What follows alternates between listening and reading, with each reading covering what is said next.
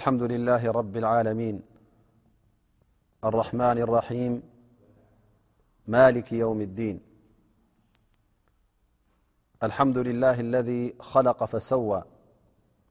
وجعل منه الزوجين الذكر والأنثى نحمده حمدا كثيرا طيبا مباركا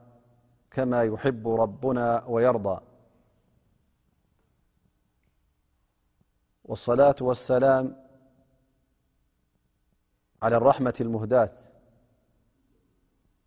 سيدنا وحبيبنا وقدوتنا محمد بن عبد الله وعلى آله وصحبه ومن والاه عد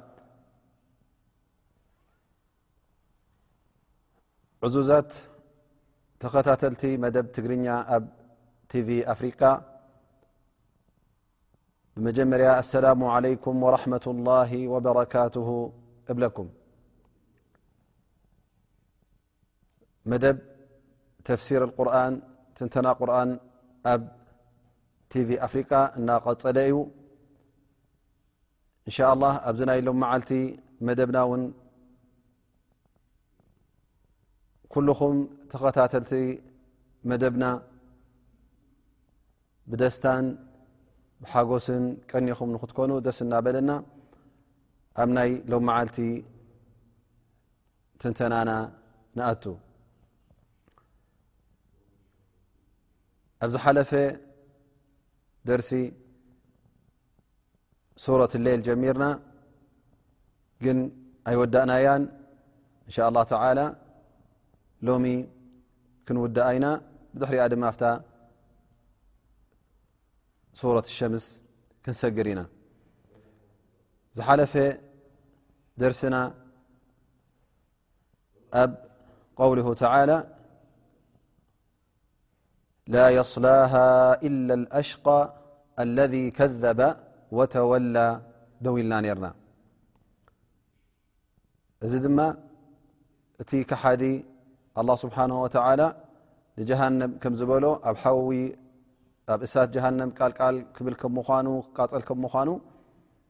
ኣብዚ ምስ ተጠቐሰ ካብኡ ድማ ኣላ ስብሓን ወተዓላ እቶም ፈራሃት ረቢ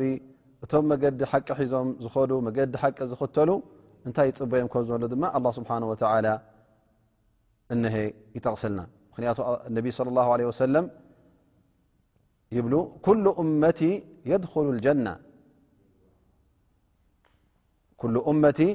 የድኩሉ ጀነተ የውም ልقያማ ኢላ መን ኣባ ኩሉ እማይ ኣብ ዮም ያማ ጀና ኩሉ ክኣቱ እዩ ኢሎም ነቢ ስ ሰለ ኢላ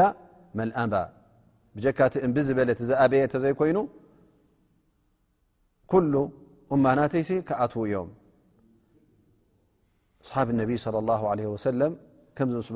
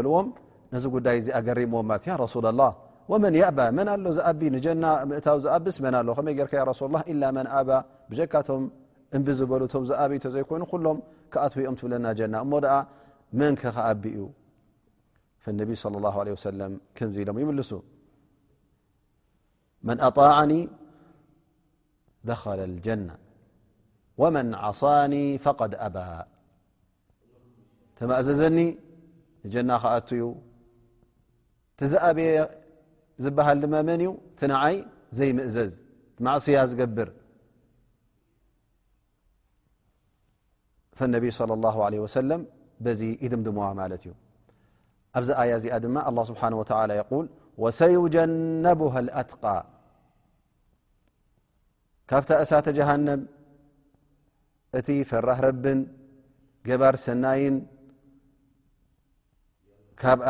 ክእለን ክርሕቅን እዩ እሳት ጥቓኣ ኣይቀርብን እዩ ወሰዩጀነቡሃ ኣልኣትቃ ትተቒ ትፈራህ ረቢ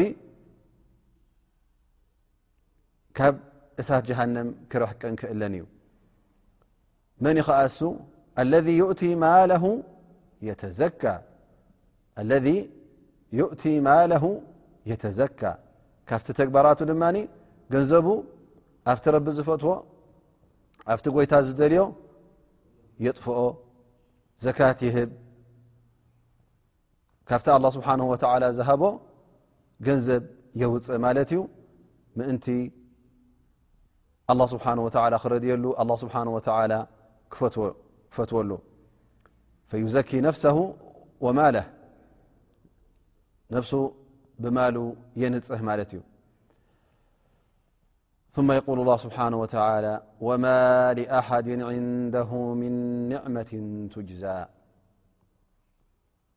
እዚ ሰብ እዚ እዚ ሙእምን እውን እዚ ተቂ እዚ ፈራህ ረቢ ገንዘቡ ክህብ እንከሎ ካብ ዋላ ሓደ እኳ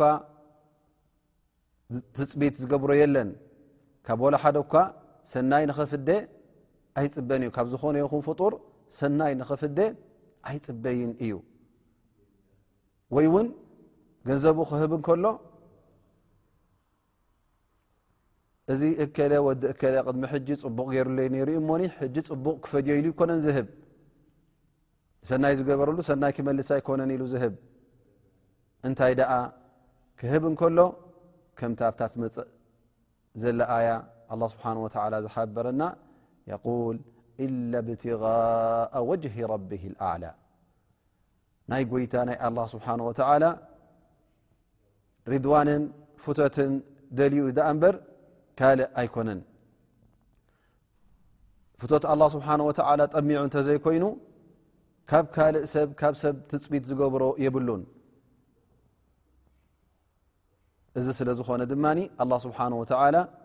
ነዚ ተግባር እዚ ብንፅህና ስለ ዝገበሮ ፍቶት ኣላ ስብሓን ወተላ ደልዩ ስለ ዝገበሮ ኢለ ብትغء ወጅሂ ረቢ ኣላ እቲ ልኡል ጎይታና ንዑ ኢልካ ክተውፅእ እንከለኻ ሩእያ ዘይብሉ ስምዓ ዘይብሉ ማለት ረኣዩለይ ስምዑለይ ወይ ከዓ ልቓሕ ዝነበረካ ንምፍዳይ ሰናይ ዝገበረልካ ሰብ ንዕኡ ንምፍዳይ ዘይኮነስ እንታይ ደኣ ጥራይ ፍቶት ኣላ ሪዳ ኣላ ስብሓ ወ ንምርካብ ክኸውን ከሎ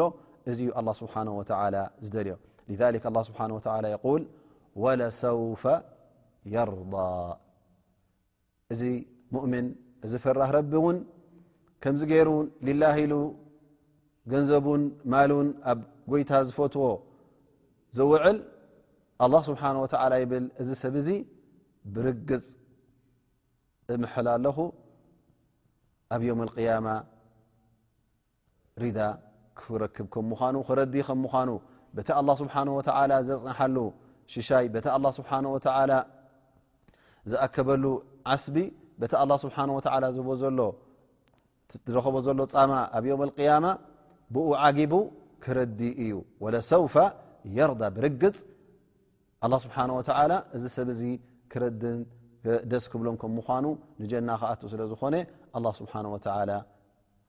እዚ ሰብ እዚ ከምዚ ዝፅበዮ ከም ዘሎ ኣላ ስብሓን ወተዓላ ጌና ኣብ ኣዱንያ እንከሎ ይህበስሮ ኣሎ ማለት እዩ እዛ ሱራ እዚኣ በዚ ትድምደም ገለ ዑለማ ድማ እዘን ኣብ መጨረሻ እዘን ሎ መዓልቲ ዝተንትናየን ካብ ወሰዩጀነብ ኣትቃ ትብል ክሳዕ መጨረሻ ሱራ ናብ ኣቡበክር ስዲቅ ዝወረደት እያ ይብሉ ላኪን ኣብ ሰይድና ኣቡበከር ስዲቅ ረድያ ላሁ ዓንሁ ወላ እውን ብዛዕባኡ ትዛረብ እንተሃለወት እዚ ነገር እዚ ንኹላህና ንዓና ዘርኢ እዩ ከምኡ ንክንገብር ነዚ ሰብ እዚ ንክንመስል ከምዚ ኣላ ስብሓን ወተላ ዝደልዮ ዘሎ ከምዚ ኣላ ስብሓ ወተላ ዝሃበና ኣብነት ከምኡ ንክንከውን እትደፋፍእ እትፅውዕን ሱኣያ እያ እሞኒ ኩላህና እቲ ሰናይ ተግባር ክንገብሮ ከለና ገንዘብናን ማልናን ከነውፅእ ከለና ሊላ ኢልና ረቢ ክፈትወልና ኢልና ከነውፅእ ኣለና ድሕር እውን ክንብል የብልናን ካብ ብቅን ካብ እምቢታን ክንርሕቕ ኣለና በዚ እዛ ሱራ እዚኣ ትድምድም እንሻ ላ ኣፍታ ካልኣይቲ ሱራ ኣፍታ ብድሕሪኣ ትመፅእ ሱረት ሸምስ ንኣቱ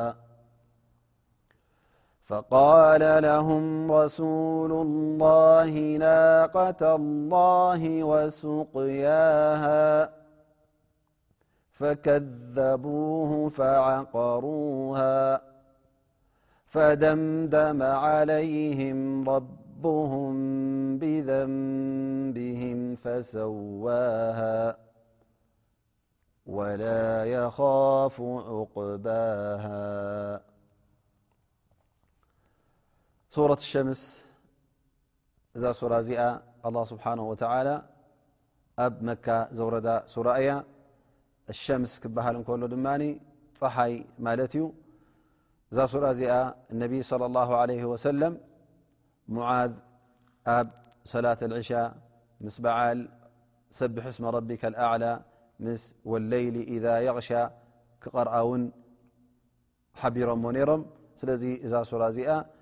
ኣብ ሰላትና እንጥቀመላን እንቐርኣን ብብዝሒ ክትከውን ትኽእል እያ ኣብ ሰላት ዕሻ ወላ ውን ኣብ ሰላት ዕሻ ነዋሕቲ ሱራታት ይቅራ እዩ እሞ እዛ ሱራ እዚኣ እውን ንክትቅራ እነቢይ ለ ላ ለ ወሰለም ሓቢሮም ነይሮም መጀመርያ ኣላ ስብሓን ወተላ ኣብዛ ሱራ እዚኣ ብማሓላ ይጅምር ኣሎ ማለት እዩ ክምሕል እንከሎ ብፍጡራቱ ይምሕል ኣሎ ማለት እዩ እቲ ንነፍሱ ንላዕሊ ክብ ዘበለ ነፍሱ ዘንፀሀ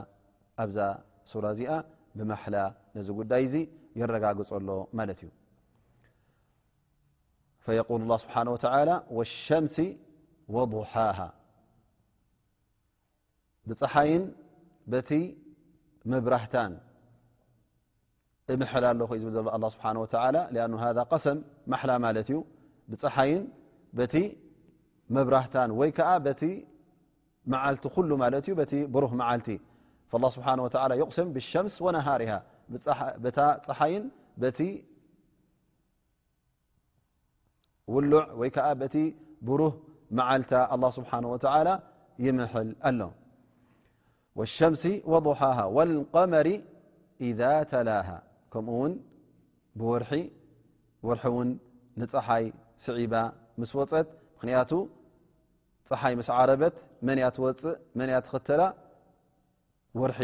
እያ ትኽተላ ማለት እዩ ፈለይል እቲ ለይቲ ወርሒ ዝወፅእ ብምንታይ ይኽተል ብወርሒ ብብርሃን ናይ ወርሒ ይትካእ ማለት እዩ ስለዚ ፀሓይ ክትዓርብ ከላ ሽዑ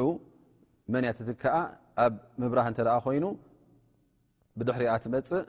ወርሒ ትኸውን ማለት እዩ والشمس وضحاها والقمر إذا تلاها والنهار إذا جلاها معلت ون زيادة ن مرت مسبره برقرق مبل الله سبحانه وتعالى يمحل له ثم بدحرኡ م الله سبحانه وتعالى بليت ون يمحل ወለይሊ ኢዛ የغሻሃ ለይቲ እውን ብፀልማታ ወይ ከዓ ለይቲ ብፀልማቱ ነዚ መሬት ኩሉ ምስ ዓብለለ እቲ ዝነበረ ብርሃን እቲ ብፀሓይ ተረኪቡ ዝነበረ ብርሃን ጠፊኡ ብምንታይ ተሸፊኑ ማለት እዩ ሕጂ ኩሉ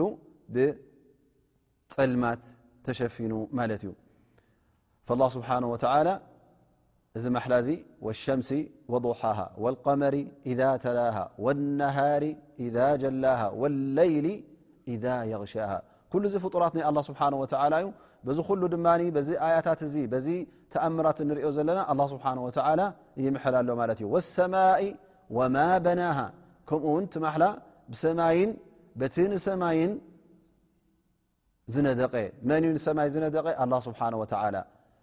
ወይ በቲ ሰማይን ካልኣይ ትርጉም እውን በቲ ምንዳቕ ሰማይን በቲ ሰማይን ምንዳቁን ወይ በቲ ሰማይን ነዳቂኡን ክልተ ትርጉም ክትህብ ትኽእል እያ ስለዚ ኣላ ስብሓን ወተላ እውን ብሰማይን በቲ ኣነዳደቃናት ይኹን በቲ ነዳቂኡን እውን ኣላ ስብሓን ወተላ ይምሐል ኣሎ ክልቲኡ እውን ክኸውን ይኽእል እዩ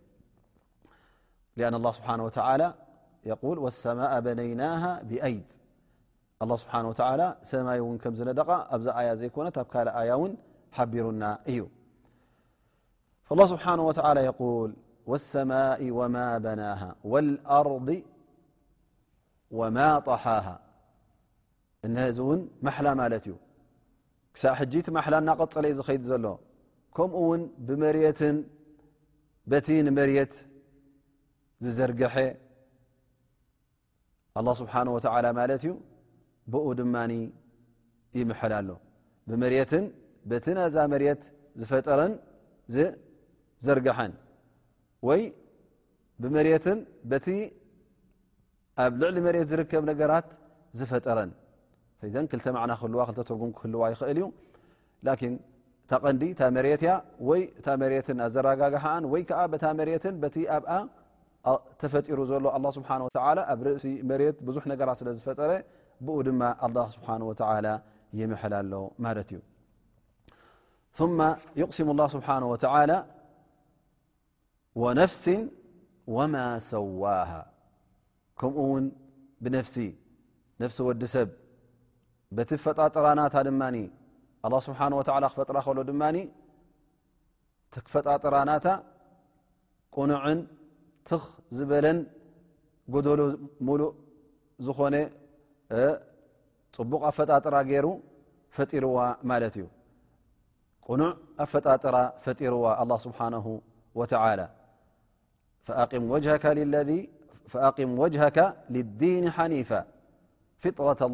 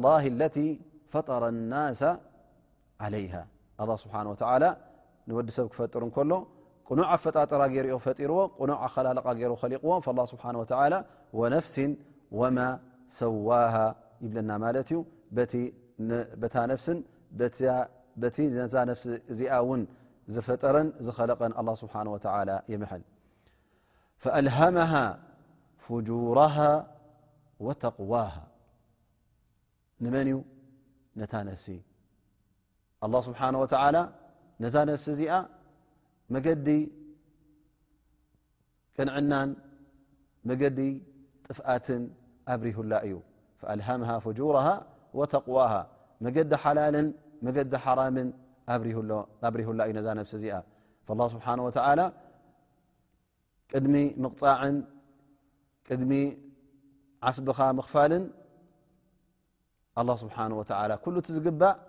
ገይሩልካ እዩ ኣብሪሁልካ እዩ ፈኣልሃመሃ ፍጁራሃ ወተቅዋሃ ኣይ ኣርሸድሃ ሓቢርዋ ማለት እዩ እቲ ር ሰናይ ኣርእዋ ኣበይ ከም ምኳኑ እቲ እከይ ኣበይ ከም ምኳኑ ኣርእዋ በቶም ዝለኣኾም ልኡኻን ይኹን በቲ ዘውርዶ ክታብ ይኹን ኣላ ስብሓን ወተላ ነዛ ነፍሲ እዚኣ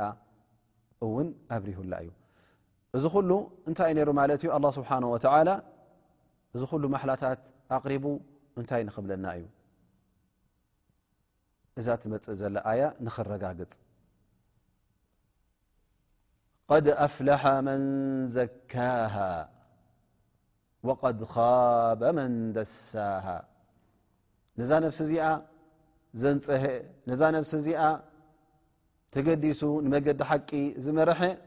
እዚ ዕዉት እዩ ድ ኣፍላሓ ብርግፅ ዕዉት እዩ መን እቲ ንነፍሱ ነፃ ዘውፀአ ካብ ምንታይ ካብ ጥፍኣት እቲ ንነፍሱ ንመገዲ ኸር ዝመርሐ ድ ኣፍላሓ መን ዘካሃ መን ዳኣ ሎቲ ውርደተኛ መን ዳኣ ሎቲ ክሳረኛ ወቀድ ኻባ መን ደሳሃ እቲ ንነፍሱ ዘዋረደ መን እዩ ንነፍሱ ዘውደቐ መን እዩ ንነፍሱ ዘሕሰረ መን እዩ እቲ ካብ መገዲ ሓቂ ዝወፀ ኣብ ክንዲ ትእዛዛት ኣላ ስብሓን ወተላ ዘተግብር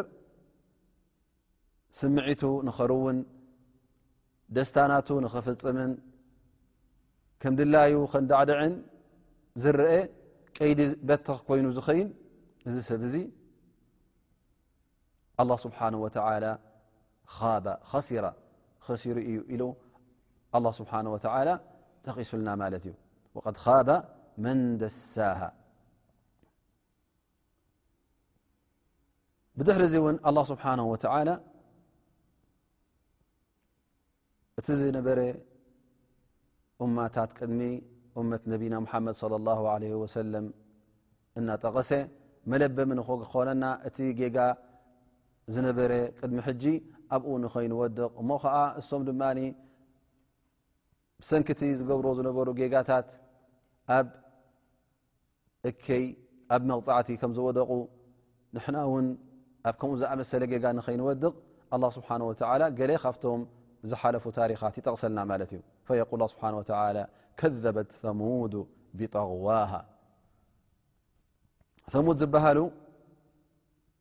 ኣላ ስብሓን ወተላ ነብላ ሳልሕ ልኢኹሎም ማለት እዩ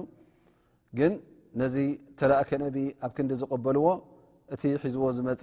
መልእኽቲ ኣይተቐበልዎን ትዕቢት ሒዝዎም ፈፂምና ይንሰምዓካን ኢና ትትእብለና ዘለኻ እውን ኣይንኣምነሉን ኢና ኢሎም ነፂጎሞ ማለት እዩ ከዘበት ሰሙድ ብጠغዋሃ ጥغያን ስለ ዝሓዞም ትዕቢት ስለ ዝሓዞም እዞም ሰባት እዚኦም ነቲ ሓቂ ኣይተቀበልዎን ኣላ ስብሓን ወተላ ድማ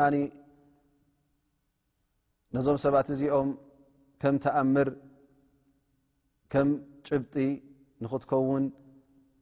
መርትዖ ንኽትከውን ኣላ ስብሓን ወተላ ካብ እምኒ ናቃ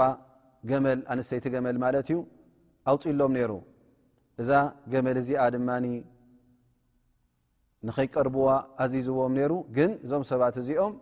ትእዛዝ ኣላ ስብሓን ወተላ ኣይሰምዑን ነዚ መርትዖ እዚ ኣብ ቅድሚኦም ክርእዎ እውን ደስ ኣይበሎምን ሓደ ካብኦም መፅኡ ነዛ ገመል እዚኣ እውን ከም ዝቀተለ ኣላ ስብሓን ወተላ ይሕብረና ማለት እዩ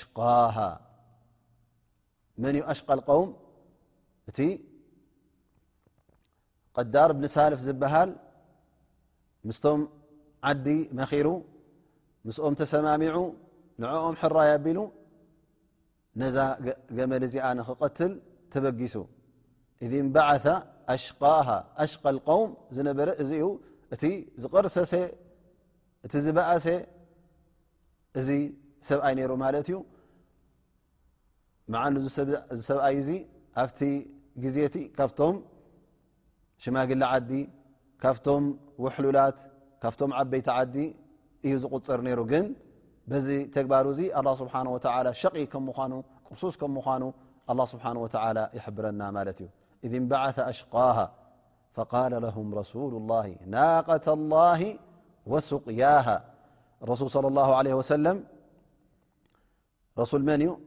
ረሱል ሳልሕ እንታይ ይብሎም እዛ ገመል እዚኣ ፍሉይ መዓልቲ ኣለዋ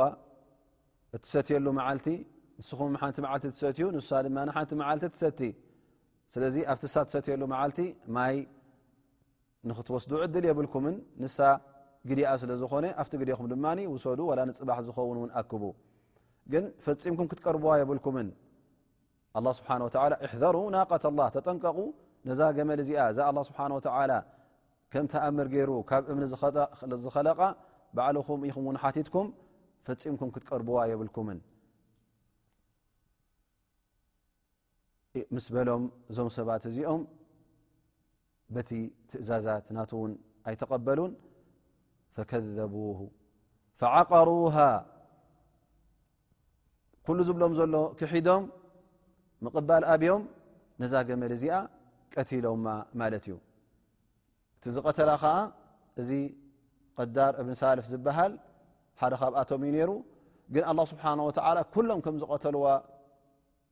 ገይሩ ጠቂሱልና ስለምንታይ እሶም እውን ንክቀትላ ፍቃደኛታት ስለ ዝነበሩ ምስ መኸሮም እውን ሕራይ ኢሎም ስለ ዝተሰማምዑ ምስኡ ኣላ ስብሓን ወተላ ኩሎም ከም ዝቀተልዋ ገይሩ ይነግረና ማለት እዩ ፈከዘቡሁ ፈዓቀሩሃ ኩሎም ከም ዝቀተልዋ ሓደ ኣይኮነን እቲ ህዝቢ ኩሉ ከም ተሳተፈ ገይሩ ኣላ ስብሓን ወተላ ስለ ሕራይ ዝበሉ ስለ ምስኡ ተሰማምዑ ክቐትላ ክሓስብ እንከሎ ግደፍ ኣይበልዎን ኣየጠንቀቕዎን እንታይ ደኣ ቅተላ ኢሎም እውን ደፋፊኦሞ እዮም ፈከዘቡሁ ፈዓቀሩሃ ፈደምደመ ዓለይህም ረብሁም ብዘንብህም ኣይ ኣላ ስብሓን ወተላ በዚ ተግባር እዚ ድማ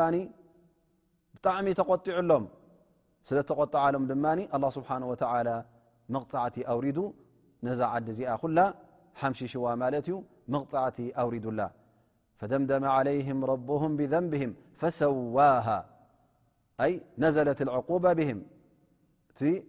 መቕፃዕቲ ኣብ ዝባኖም ወሪድዎም ማለት እዩ ንኩሎም ወሪድዎም ንዓብ ይኹን ንንእሽተይ ደቂ ኣንስትዮን ደቂ ተባዕትዮ ምክንያቱ ኩሎም ስለ ተሳተፉ ኣብ መቕተልቲ ናይ ዛ ገመል እዚኣ ላ ስብሓን ወተላ ወላ ሓደ ከይገደፈ ንኩሎም እቲ መቕፃዕቲ ኣውሪዱሎም ወላ የኻፉ ዕቁባ ስብሓ ወላ ድማ እቲ መቕፃዕቲ ከውርድ ከሎ ምንም ነገር ዝፈርሆ ነገር ኣይነበረን ዝኾነ ይኹን ሳዕቤን ንኸይመፆ ውን ኣይፈርህን እዩ ላ የኻፍ ላህ ምን ኣሓድ ተቢዓ ኣ ስብሓ መቕፃዕቲ ከውርድ ከሎ ስክፍ ከይበሎ እዩ ዘውርዶ ምክንያቱ ኣብ ፍጥረቱ ኣብ ፍጡራቱ ድላዩ ዩ ክገብር ስለ ዝኽእል ዝሓቶ ውን ስለ ዘየሎ ላ ይስኣሉ ዓማ የፍዓል ስለ ዝኾነ ፍፁም ዘይሕተት ስለ ዝኾነ እሱ ድላያ ክገብር ስለ ዝኽእል ኣላ ስብሓን ወተዓላ ነዞም ህዝቢ እዚኦም ንኹሎም ኣጥፊእዎም ማለት እዩ ብሰንኪታ ዝገበርዋ ዘንቢ ናይ ሎም መዓልቲ ደርስና ድማ በዚ ይድምደም ክሳዕ ኣብ ዝመፅእ ዘሎ ደርሲ ንራኸብ ደሓን ቀኒ እናበልና ንፋነወኩም ወሰላሙ ዓለይኩም ወራሕመት ላሂ ወበረካቱ